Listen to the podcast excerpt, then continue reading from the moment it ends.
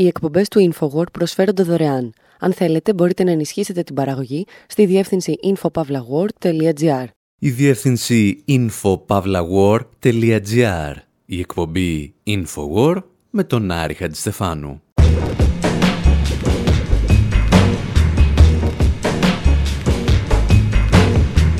όπου σήμερα συγκρίνουμε το δυστύχημα στα Τέμπη με τα μεγαλύτερα ατυχήματα και δυστυχήματα σε πυρηνικούς σταθμούς και εντοπίζουμε μια λεπτή γραμμή που τα ενώνει. Ταξιδεύουμε με τους Smiths μέχρι το Τσερνόμπιλ και από εκεί πεταγόμαστε με τους Clash μέχρι το Three Mile Island. Θυμόμαστε ότι στα δύο σημαντικότερα ατυχήματα σε πυρηνικούς αντιδραστήρες στην ιστορία κάποιοι αναζήτησαν από δύο πομπέους τράγους στο προσωπικό των σταθμών.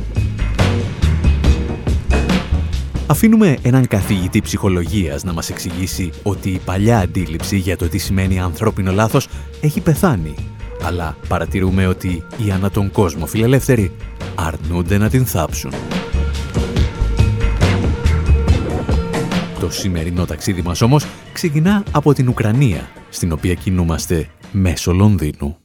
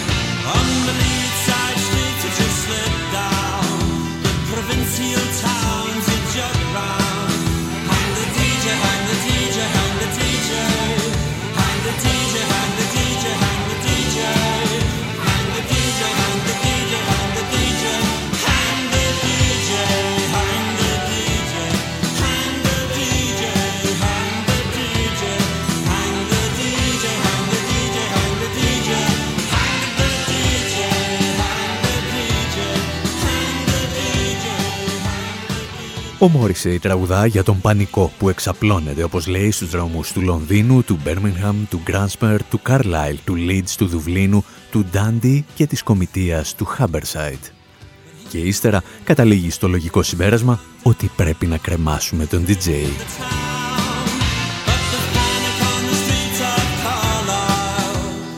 Λέγεται ότι ο Μόρισεϊ εμπνεύστηκε τους στίχους του τραγουδιού το 1986 όταν άκουσε σε ένα δελτίο ειδήσεων του BBC τις πρώτες πληροφορίες για ένα πυρηνικό δυστύχημα που είχε συμβεί κάπου στη Σοβιετική Ένωση.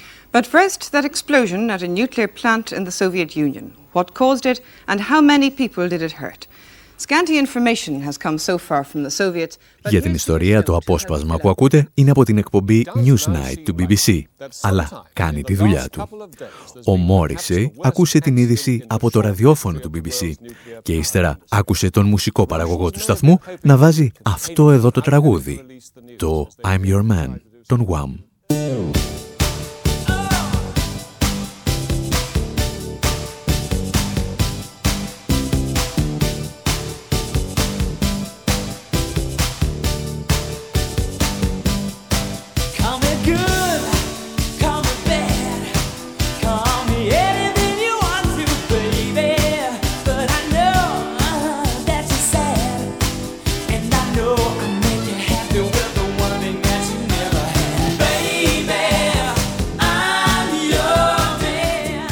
Λέγεται ότι ο Μόρισε εκνευρίστηκε τόσο πολύ που το BBC έβαλε ένα χαζοχαρούμενο τραγούδι μετά την είδηση για το Τσερνόμπιλ, ώστε έγραψε τον στίχο «Hank the DJ», «Κρεμάστε τον DJ» και το δικαιολόγησε λέγοντας ότι η μουσική που παίζει δεν έχει να πει τίποτα σχετικά με τη ζωή μας.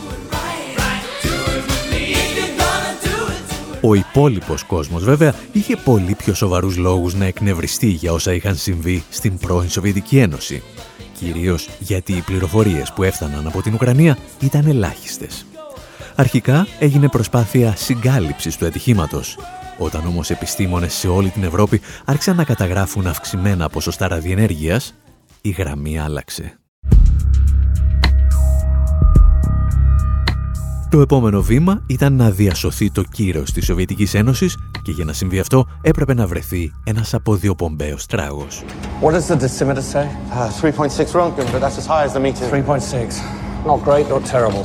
Εάν έχετε δει τη μήνυ τηλεσυρά Τσερνόμπιλ του HBO, θα θυμάστε ότι ο αποδιοπομπαίος τράγος ήταν ο Ανατόλη Ντιγιάτλοφ, ο αναπληρωτής αρχιμηχανικός του αντιδραστήρα. Ο άνθρωπος που φυλακίστηκε γιατί παραβίασε το πρωτόκολλο ασφαλείας προκειμένου να επιτύχει τους στόχους που του είχαν θέσει οι πολιτικοί του προϊστάμενοι.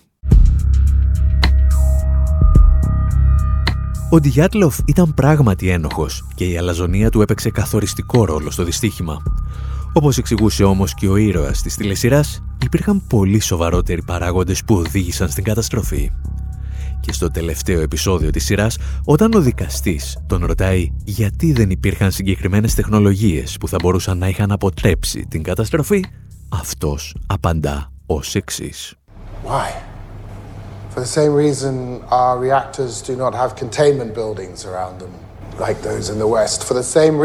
Γιατί, για τον ίδιο λόγο που οι αντιδραστές μας δεν έχουν περίβλημα γύρω τους όπως έχουν αυτοί τη Δύση. Για τον ίδιο λόγο που δεν χρησιμοποιούμε σωστά εμπλουτισμένο καύσιμο στους πυρήνες μας. Για τον ίδιο λόγο που είμαστε το μόνο έθνος που κατασκευάζει υδρόψυκτους αντιδραστήρες γραφίτι με θετικό δίκτυο απαγωγής. Απλώς γιατί είναι ευθυνότερη.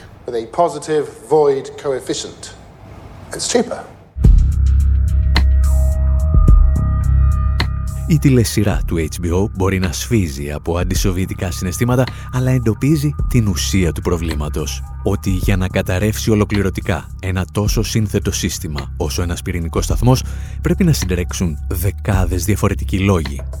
Το ανθρώπινο λάθος έρχεται απλώς να θέσει σε κίνηση ένα γεγονός που ήταν βέβαιο ότι θα συνέβαινε αργά ή γρήγορα.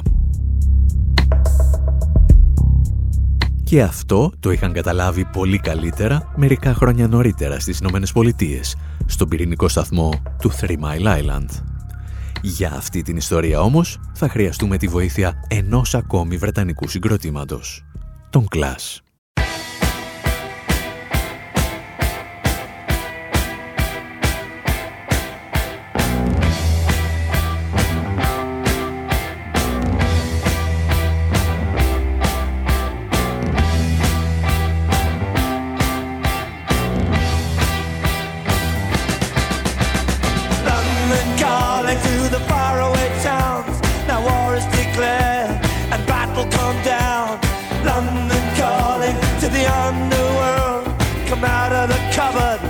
boys and girls. London calling, now don't look to us. Phony Beatlemania has bitten the dust. London calling, see we ain't got no swing except for the rain and the crunch of thing. The ice is coming, the sun's zooming in. Meltdown expected, the wheat is good in. Engines stop running, but I have no fear, cause London is drowning. I το συγκρότημα είναι όπως είπαμε βρετανικό και το τραγούδι αναφέρεται σε μια πυρηνική καταστροφή που πλήττει το Λονδίνο, την έμπνευση για τους στίχους την έδωσε το ατύχημα που σημειώθηκε στις 28 Μαρτίου του 1979 στον πυρηνικό σταθμό του Three Mile Island, στην Πενσιλβάνια των Ηνωμένων Πολιτειών. Και όπως μπορείτε να ακούσετε και στα έκτακτα δελτία ειδήσεων της εποχής, ούτε οι Αμερικανοί δημοσιογράφοι είχαν την καλύτερη ενημέρωση για το τι ακριβώς είχε συμβεί. It was the first step in a nuclear nightmare. As far as we know at this hour, no worse than that. Ήταν το πρώτο βήμα ενός πυρηνικού εφιάλτη, αλλά σύμφωνα με όσα γνωρίζουμε μέχρι στιγμής δεν προχώρησε περισσότερο. Κυβερνητικός αξιωματούχος δήλωσε ότι η κατάρρευση σε ένα πυρηνικό εργοστάσιο στην Πενσιλβάνια αποτελεί το σημαντικότερο ατύχημα που έχει σημειωθεί σε πυρηνικό αντιδραστήρα στην ιστορία. Σύμφωνα με πληροφορίες, οι εργαζόμενοι δεν μολύθηκαν. Τα επίπεδα ραδιενέργειας όμως στο ιστορικό του εργοστασίου είναι 8 φορές υψηλότερα από αυτά που προκαλούν θάνατο. Είναι τόσο ισχυρά ώστε αφού πέρασαν από ένα τσιμεντένιο τείχο πάχους 90 εκατοστών, μπορούσαν να ανοιχνευτούν σε απόσταση περίπου 1,5 χιλιόμετρο.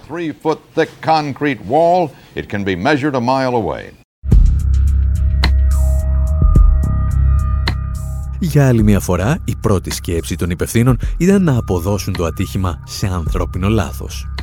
Και πράγματι είχαν γίνει αρκετά λάθη, καθώς οι τεχνικοί βάρδιας υποτίμησαν τη σοβαρότητα της κατάστασης και καθυστέρησαν στη λήψη των κατάλληλων μέτρων. Όπως αποδείχθηκε όμως, αυτό ήταν απλώς το τελευταίο και ίσως το πιο ασήμαντο στάδιο της καταστροφής. Όλα ξεκίνησαν από μια μηχανική βλάβη σε βοηθητικό σύστημα του πυρηνικού σταθμού, το οποίο, ύστερα από αλυσιδωτές εξελίξεις, είχε σαν αποτέλεσμα να διαρρεύσουν σημαντικές ποσότητες των υλικών ψήξης του σταθμού. Και τότε οι υπάλληλοι συνειδητοποίησαν ότι η κατασκευάστρια εταιρεία είχε κάνει ό,τι περνούσε από το χέρι της για να κάνει πιο δύσκολη την αντιμετώπιση του προβλήματος. Τα συστήματα έγκαιρης προειδοποίησης έστελναν αντικρουόμενα και ανακριβή στοιχεία, ενώ ακόμη και ο συναγερμός που ηχούσε στο κέντρο ελέγχου δεν αρκούσε για να καταλάβει κάποιος τι ακριβώς είχε συμβεί. Κυρίως όμως οι υπάλληλοι δεν είχαν λάβει ποτέ την κατάλληλη εκπαίδευση για να αντιμετωπίσουν ένα τόσο σημαντικό περιστατικό.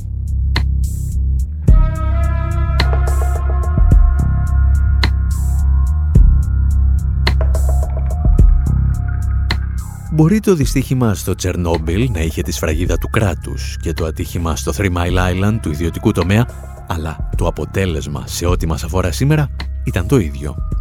Η πρώτη σκέψη των υπευθύνων ήταν να αποδώσουν το περιστατικό σε ανθρώπινο λάθος, ώστε να αποδείξουν ότι το σύστημα που αυτοί είχαν δημιουργήσει ήταν τέλειο και θα λειτουργούσε χωρίς προβλήματα εάν δεν παρενέβαιναν κάτι άνθρωποι που τα έκαναν μαντάρα.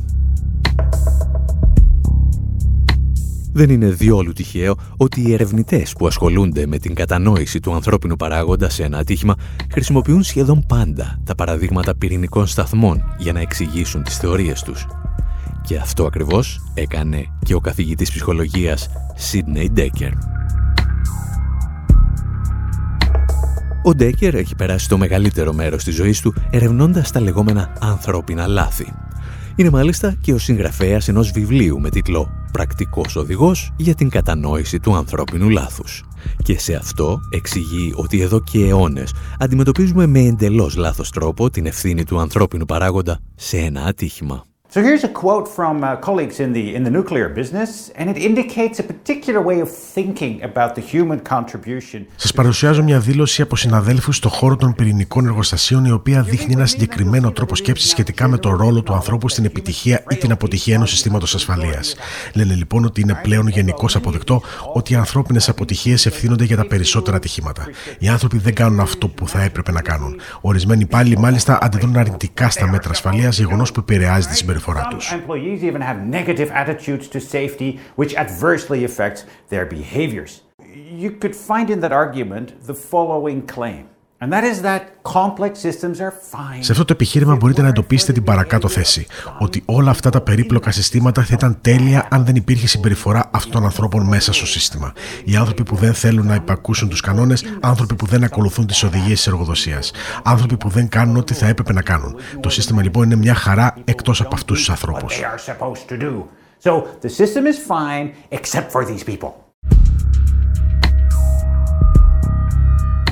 Αν ακολουθήσεις αυτόν τον τρόπο σκέψης, εξηγεί ο Ντέκερ, έχεις μόνο μία οδό για να αντιμετωπίσεις το πρόβλημα. Και αυτή η οδός, πρώτον, είναι της κακίας και δεύτερον, είναι λανθασμένη. The solution in this belief is that compliance with a priori η απάντηση που δίνεται σε αυτό το πρόβλημα λέει ότι η συμμόρφωση με τους προκαθορισμένους κανόνες και τις διαδικασίες θα δημιουργήσει ένα ασφαλές σύστημα. Οι άνθρωποι λοιπόν είναι απλώς επιστάτες ενός συστήματος το οποίο είναι ήδη ασφαλές και δεν αντιμετωπίζει εσωτερικά προβλήματα. Το μόνο που πρέπει να κάνουν είναι να ακολουθήσουν τις εντολές που λαμβάνουν. Αυτές οι απόψεις εντάσσονται στη λεγόμενη παλαιά θεώρηση για το ανθρώπινο λάθος.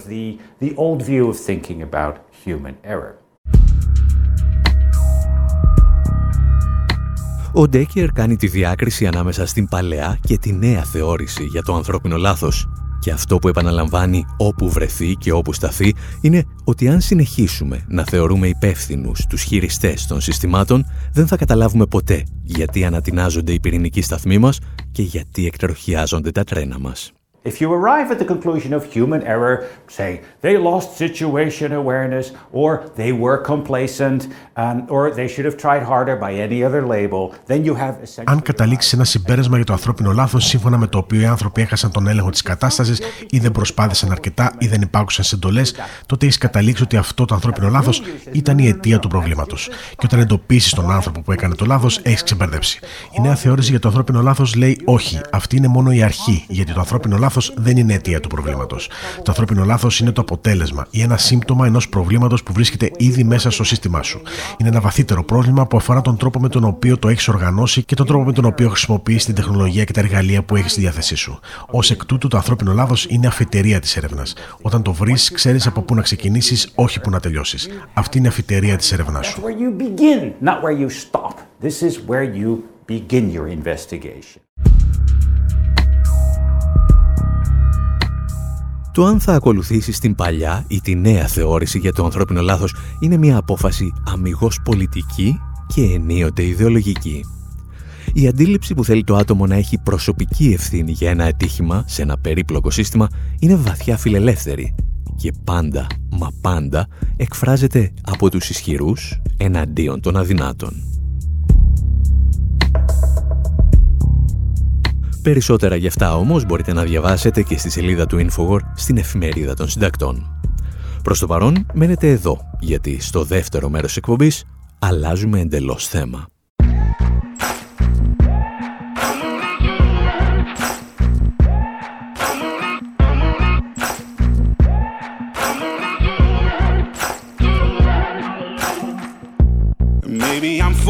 Foolish, maybe I'm blind. Thinking I can see through this and see what's behind. Got no way to prove it, so maybe I'm lying.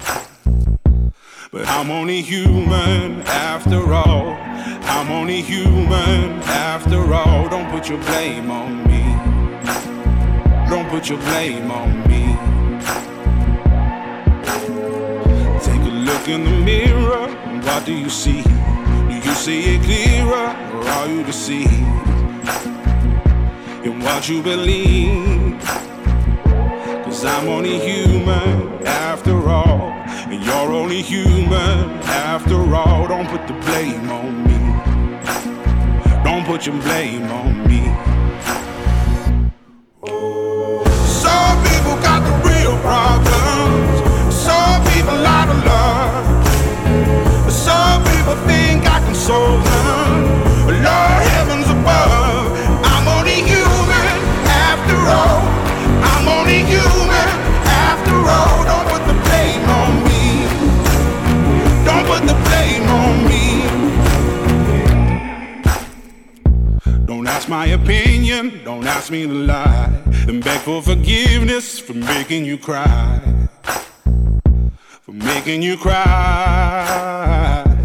Cause I'm only human after all.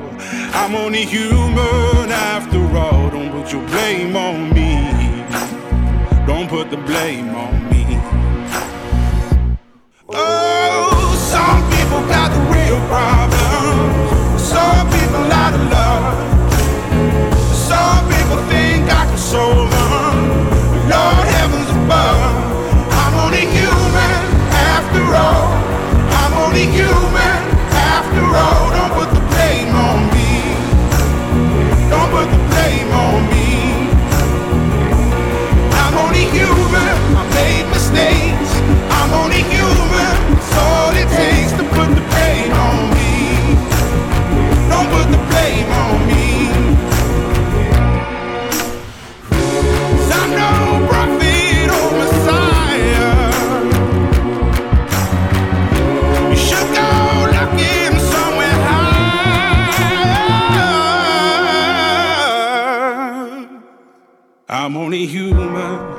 after all. I'm only human after all. Don't put the blame on me. Don't put the blame on me. I'm only human. I do what I can. I'm just a man. I do what I can. Don't put the blame on me. Don't put your blame on me. Οι εκπομπές του InfoWord προσφέρονται δωρεάν. Αν θέλετε, μπορείτε να ενισχύσετε την παραγωγή στη διεύθυνση infopavlagor.gr.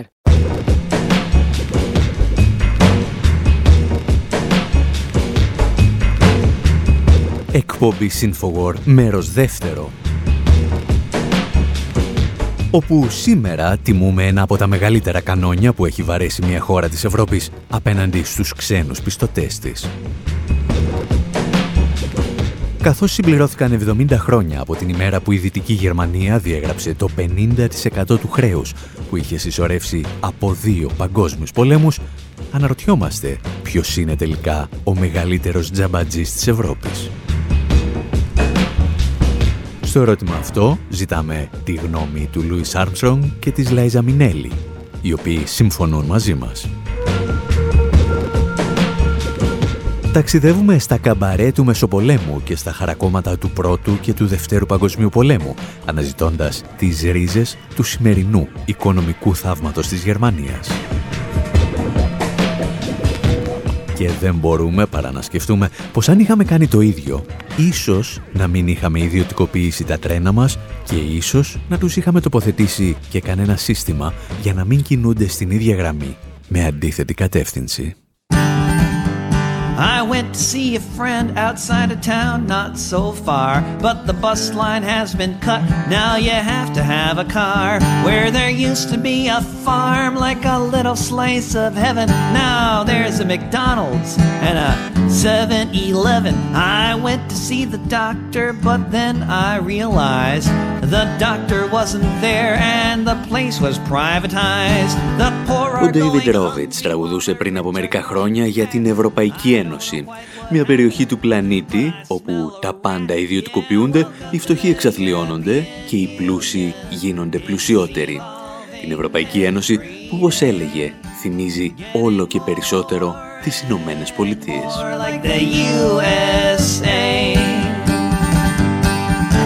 Αφήσετε τη φαντασία σας να οργιάσει, θα μπορούσατε να δείτε το τραγούδι σαν μια ανάλυση για την ευρωπαϊκή περιφέρεια, η οποία γίνεται φτωχότερη συσσωρεύοντας ελλείμματα και χρέη, αλλά και για το Ευρωπαϊκό Κέντρο, που μαζεύει τα πλεονάσματα.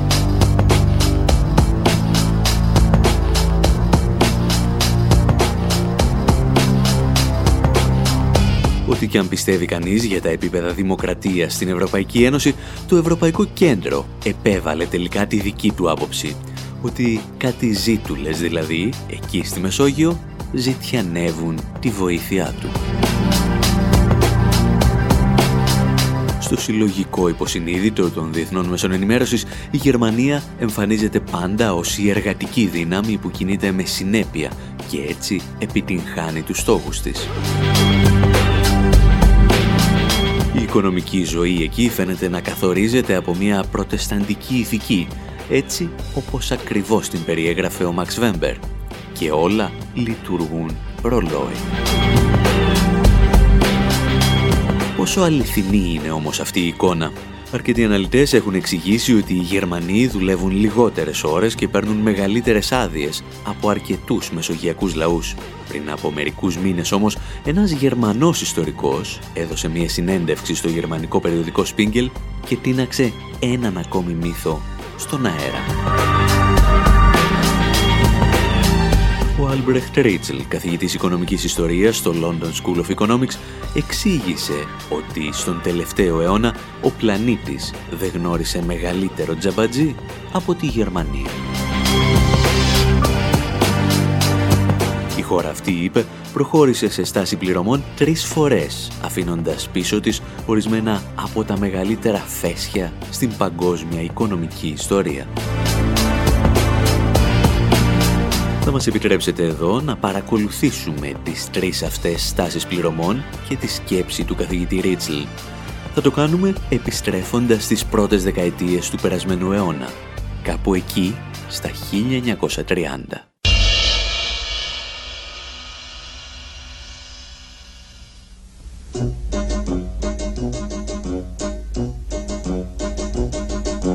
Willkommen, bienvenue, Welkom, vreemde, étranger, stranger. Glücklich zu sehen, just wie enchanté. Happy to see you, bleibe reste stehen. Willkommen, bienvenue, welcome im cabaret, au cabaret, tout Cabaret. Στα σκοτεινά καμπαρέ του Βερολίνου, όπως τα περιέγραφε ο Μπομπ Φως στην ομώνυμη ταινία του, η δημοκρατία της Βαϊμάρης έδινε σταδιακά τη θέση της στο ναζισμό. Ich bin euer Konferencier. I am your host und sage willkommen. Όλη την προηγούμενη δεκαετία η γερμανική οικονομία είχε στηριχθεί στο συνεχή εξωτερικό δανεισμό. Η φαινομενική ευημερία οφειλόταν λοιπόν σε μια τεράστια οικονομική πυραμίδα, η οποία θα κατέρεε από στιγμή σε στιγμή. Outside. So, life is disappointing. Forget it. In here. Και οι πρώτοι που το αντιλήφθηκαν ήταν κάτι τραπεζίτες και χρηματιστές στην αντίπερα όχθη του Ατλαντικού, οι οποίοι μάλιστα το σφύριξαν αμέσως και στον πρόεδρο των Ηνωμένων Πολιτειών. Ιούνιος 1931, ο Αμερικανός πρόεδρος Herbert Hoover στέκεται όρθιος μπροστά σε μια κινηματογραφική μηχανή και διαβάζει ένα διάγγελμα προς τον Αμερικανικό λαό, αλλά και ολόκληρο τον πλανήτη. Ανακοινώνει το λεγόμενο μορατόριουμ του Hoover. Η Ουάσιγκτον αποφασίζει ουσιαστικά ότι η Γερμανία μπορεί να διακόψει για έναν χρόνο τις πολεμικές αποζημιώσεις προς τη Γαλλία και προς τις Ηνωμένες Πολιτείες. The acceptance of this proposal has meant sacrifices by the American people. Η αποδοχή της συγκεκριμένης απόφασης θα σημάνει θυσίες για τον Αμερικανικό λαό και τους λαούς των συμμαχικών μας δυνάμεων. Όλοι υποφέρουν από την ύφεση και τα προβλήματα των κρατικών προπολογισμών. Θα μειώσουμε αισθητά το βάρος των κατοίκων της Γερμανίας και της κεντρικής Ευρώπης. Seriously oppressing the peoples of Germany and Central Europe will be immensely lightened.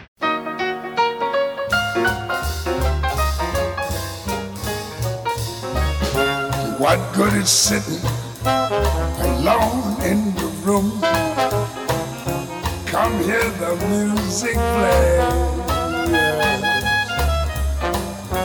Life is a cabaret, oh chum. Come to the cabaret. Ουσιαστικά η Γερμανία είχε μόλις κηρύξει μία από τις μεγαλύτερες τάσεις πληρωμών στην παγκόσμια οικονομική ιστορία. Και οι Ηνωμένες Πολιτείες όχι μόνο δεν πανικοβλήθηκαν, όχι μόνο δεν απείλησαν με κυρώσεις, αλλά νομιμοποίησαν αυτή την απόφαση και την επέβαλαν και στις χώρες της Ευρώπης. So come to the cabaret. Και αν δεν σας ενοχλεί μια μικρή χρονική παρατυπία στην εκπομπή, θα λέγαμε ότι οι ήχοι των γερμανικών καμπαρέ περνούσαν πλέον στην άλλη πλευρά του Ατλαντικού, μέσα από την αμερικανική τρομπέτα του Λούις Άρμστρονγκ. prophet of doom and wipe every smile away. Life is a cabaret, oh chum, so come to the cabaret. Yeah. Ο πρόεδρος Χούβερ λοιπόν προσέφερε στη Γερμανία το δικαίωμα στην στάση πληρωμών. Και όπως συμβαίνει πάντα σε αυτές τις περιπτώσεις, στόχος δεν ήταν να βοηθήσει το γερμανικό λαό που βίωνε την παγκόσμια ύφεση. Στόχος του Χούβερ ήταν να διασώσει το παγκόσμιο τραπεζικό σύστημα. Μια ενδεχόμενη ανεξέλεγκτη χρεοκοπία από την πλευρά της Γερμανίας θα είχε τρομακτικές επιπτώσεις στην παγκόσμια οικονομία, ενώ σε γεωπολιτικό επίπεδο θα ενίσχυε τη νεαρή τότε Σοβιετική Ένωση. Το τραπεζικό σύστημα ολόκληρης της Ευρώπης, βλέπετε, ήταν ήδη στα πρόθυρα της ολοκληρωτικής κατάρρευσης, ύστερα από την πτώχευση της Αυστριακής τράπεζας Credit Start. Οι Lehman Brothers της εποχής. Oh chum, Θα πρέπει άλλωστε να σημειωθεί ότι ο Herbert Hoover, αν ήθελε να βοηθήσει πραγματικά τους ανθρώπους και όχι τις τράπεζες, θα το έκανε πρώτα για τον Αμερικανικό λαό που ζούσε τη δική του εξαθλίωση στις παραγκουπόλεις της Αμερικής του 30.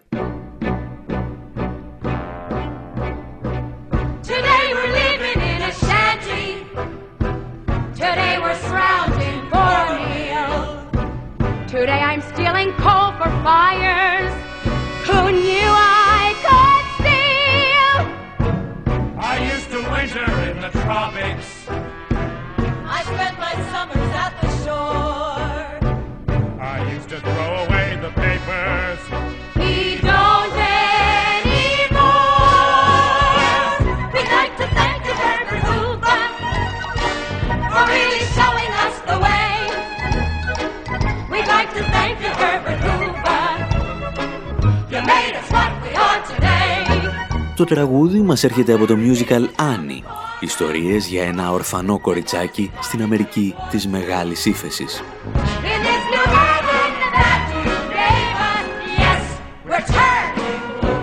Σήμερα λέει ζούμε σε μια παραγκούπολη και παλεύουμε μεταξύ μας για λίγο φαγητό. Θέλουμε πραγματικά να σε ευχαριστήσουμε Herbert Hoover που μας έφερες σε αυτή την κατάσταση. Herbert Hoover συνεχίζει το musical, μας έλεγε ότι σε κάθε κατσαρόλα θα υπήρχε και από ένα κοτόπουλο. Αλλά μάλλον ξεχάστηκε, γιατί όχι μόνο δεν βρήκαμε κοτόπουλο, αλλά μας πήραν και την κατσαρόλα.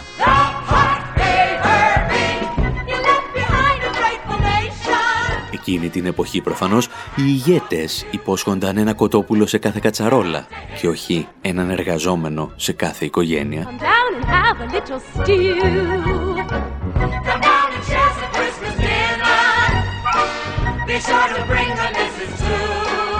Εμείς όμως οφείλουμε να επιστρέψουμε στην ιστορία μας.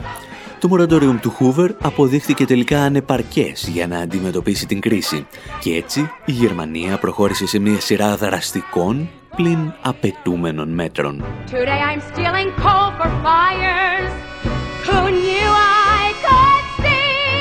Καταρχήν διέκοψε ολοκληρωτικά την εξυπηρέτηση των δανειακών της υποχρεώσεων. Ταυτόχρονα επέβαλε περιορισμούς στην κίνηση κεφαλαίων για να αποφύγει τη διαρροή προς το εξωτερικό και εθνικοποίησε τις πέντε μεγαλύτερες τράπεζες της χώρας. Πρόκειται δηλαδή για τις ίδιες ακριβώς ενέργειες, τις οποίες πραγματοποίησε και η Ισλανδία, καταφέρνοντας όχι μόνο να διαφύγει από τον κίνδυνο της οικονομικής κατάρρευσης, αλλά και να παρουσιάζει πλέον αξιοθαύμαστη ανάπτυξη. Το είπαμε και θα το ξαναλέμε. Πρόκειται για παλιές και δοκιμασμένες συνταγές, οι οποίες όμως φαίνεται πως αφαιρέθηκαν από τα νεοφιλελεύθερα εγχειρίδια χρήσης του παγκόσμιου οικονομικού συστήματος.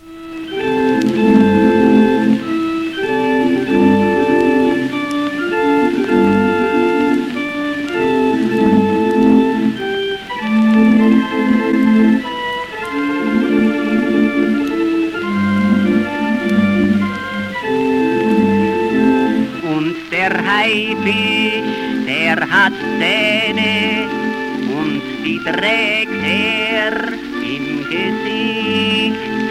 Und Mekis, er hat ein Messer, doch das Messer sieht man nicht. Η Γερμανία των αρχών της δεκαετίας του 30 όμως προχώρησε και σε ένα ακόμη βήμα που ίσως να σας θυμίσει κάτι. Αποχώρησε από το λεγόμενο κανόνα χρυσού Ουσιαστικά δηλαδή αποδέσμευσε την ισοτιμία του νομίσματός της από το χρυσό και επανέκτησε έτσι τα μέσα άσκησης νομισματικής πολιτικής που είχε απολέσει. Η Γερμανία λοιπόν για να ανακεφαλαιώσουμε έκανε στάση πληρωμών, εθνικοποίησε τις τράπεζες, επέβαλε περιορισμούς στην κίνηση κεφαλαίων και απελευθέρωσε το νομισμά της και στα καμπαρέ του Βερολίνου, ελαφρώς ανακοφισμένοι, μπορούσαν πλέον να τραγουδούν για το χρήμα που κάνει τον κόσμο να γυρίζει. Money. Money. Money makes the world go around, the world go around, the world go around. Money makes the world go around, it makes the world go round. A mark a yen, a buck or a pound, a mark a yen, a buck or a pound is all that makes the world go around. That clinking, clanking sound can make Εμείς πάντως στο συγκεκριμένο τραγούδι προτιμούμε την πολύ πιο σκοτεινή εκτέλεση του Alan Cumming από το λιγότερο μακρινό 1998.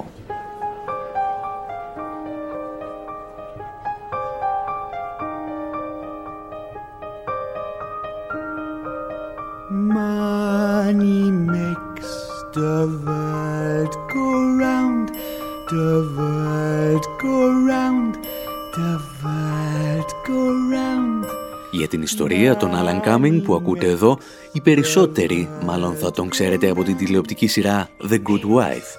Πρόκειται όμως για έναν πολύ δυνατό ηθοποιό που δοκιμάστηκε στην όπερα της Πεντάρας του Μπρέχτ, αλλά και στον τυχαίο θάνατο ενός αναρχικού του Ντάριο Φω. The world go round, that clinking, clanking sound can make the world go round.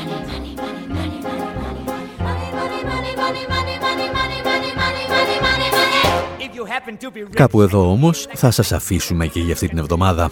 Ανανεώνουμε το καθημερινό μας ραντεβού στη σελίδα info.pavlawar.gr και με την ευκαιρία θέλουμε να ευχαριστήσουμε και όλους εσάς που ενισχύετε οικονομικά τη λειτουργία της σελίδας. cab and begin to recover on your 14 karat yacht.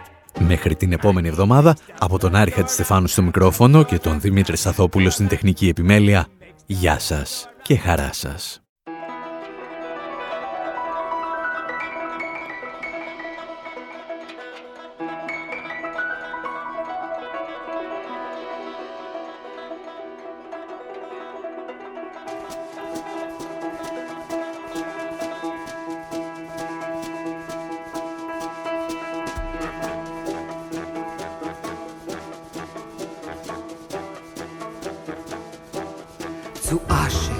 Staub, dem Licht geraubt. Doch noch nicht jetzt.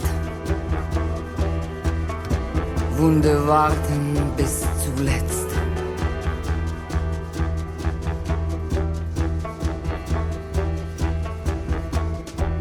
Ozean der Zeit, ewiges Gesetz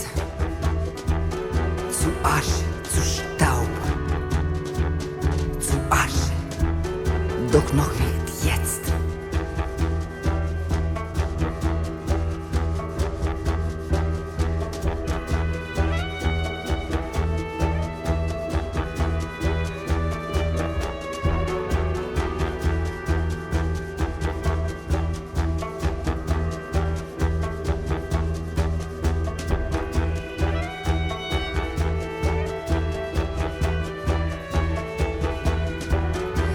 Zu Asche, zu Staub, dem Licht geraubt, doch noch nicht jetzt. Wunde warten, doch noch nicht jetzt. Wunde warten bis zuletzt.